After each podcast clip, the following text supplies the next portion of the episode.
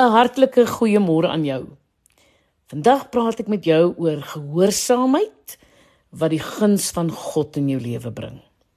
Ons lees hier in Genesis 22 waar God vir Abraham op die proef gestel het.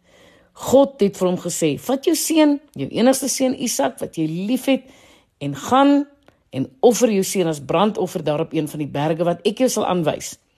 Onthou toe hulle daar aankom by die plek wat God vir Abraham aangewys het, het Abraham 'n altaar gebou en net toe Abraham die mes vat om sy seun te slag, roep die engel van die Here uit die hemel na hom en sê Abraham, Abraham, toe sê God, los jou seun.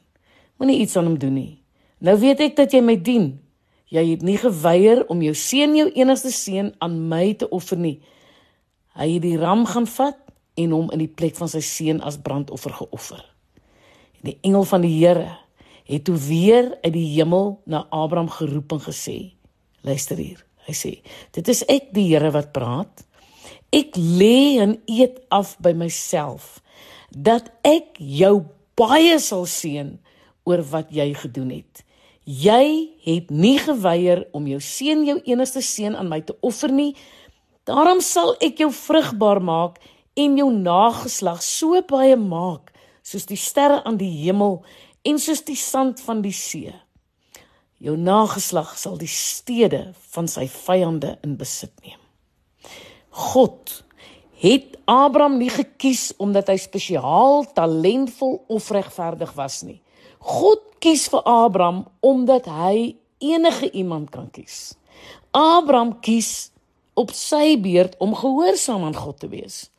Jong, daar is 'n goue draad van goedheid en guns wat volg as gevolg van gehoorsaamheid. Nou wil ek jou vra, wil jy graag deel in God se goedheid en guns? Kyk bietjie wat gebeur wanneer jy elke dag 'n pad van gehoorsaamheid begin stap.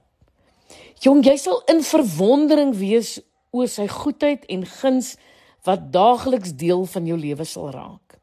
Ons lees in Lukas 2 vers 51 en 52 waar Jesus saam met sy ouers na Nasaret teruggegaan het en Hy was aan hulle onderdanig. Met ander woorde, hy was gehoorsaam. En sy moeder het al hierdie dinge in haar hart bewaar, sê die skrif. En Jesus het verstandelik en liggaamlik gegroei en in guns by God en die mense toegeneem.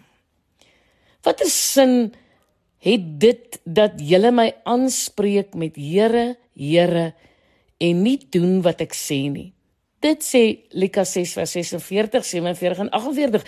Hy sê elkeen wat na my toe kom en na my woorde luister en doen wat ek sê, ek sal vir julle verduidelik soos wie hy is.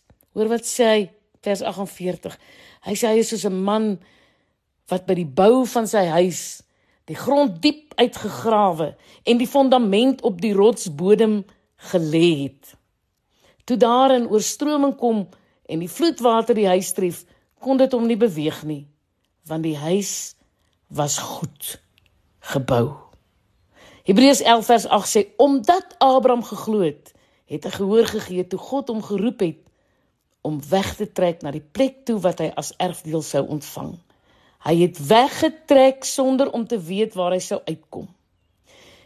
Jy weet, gehoorsaamheid vra moeite en opoffering beteken dat jy soms jou trots, jou eie ek en jou eie begeertes sal moet offer.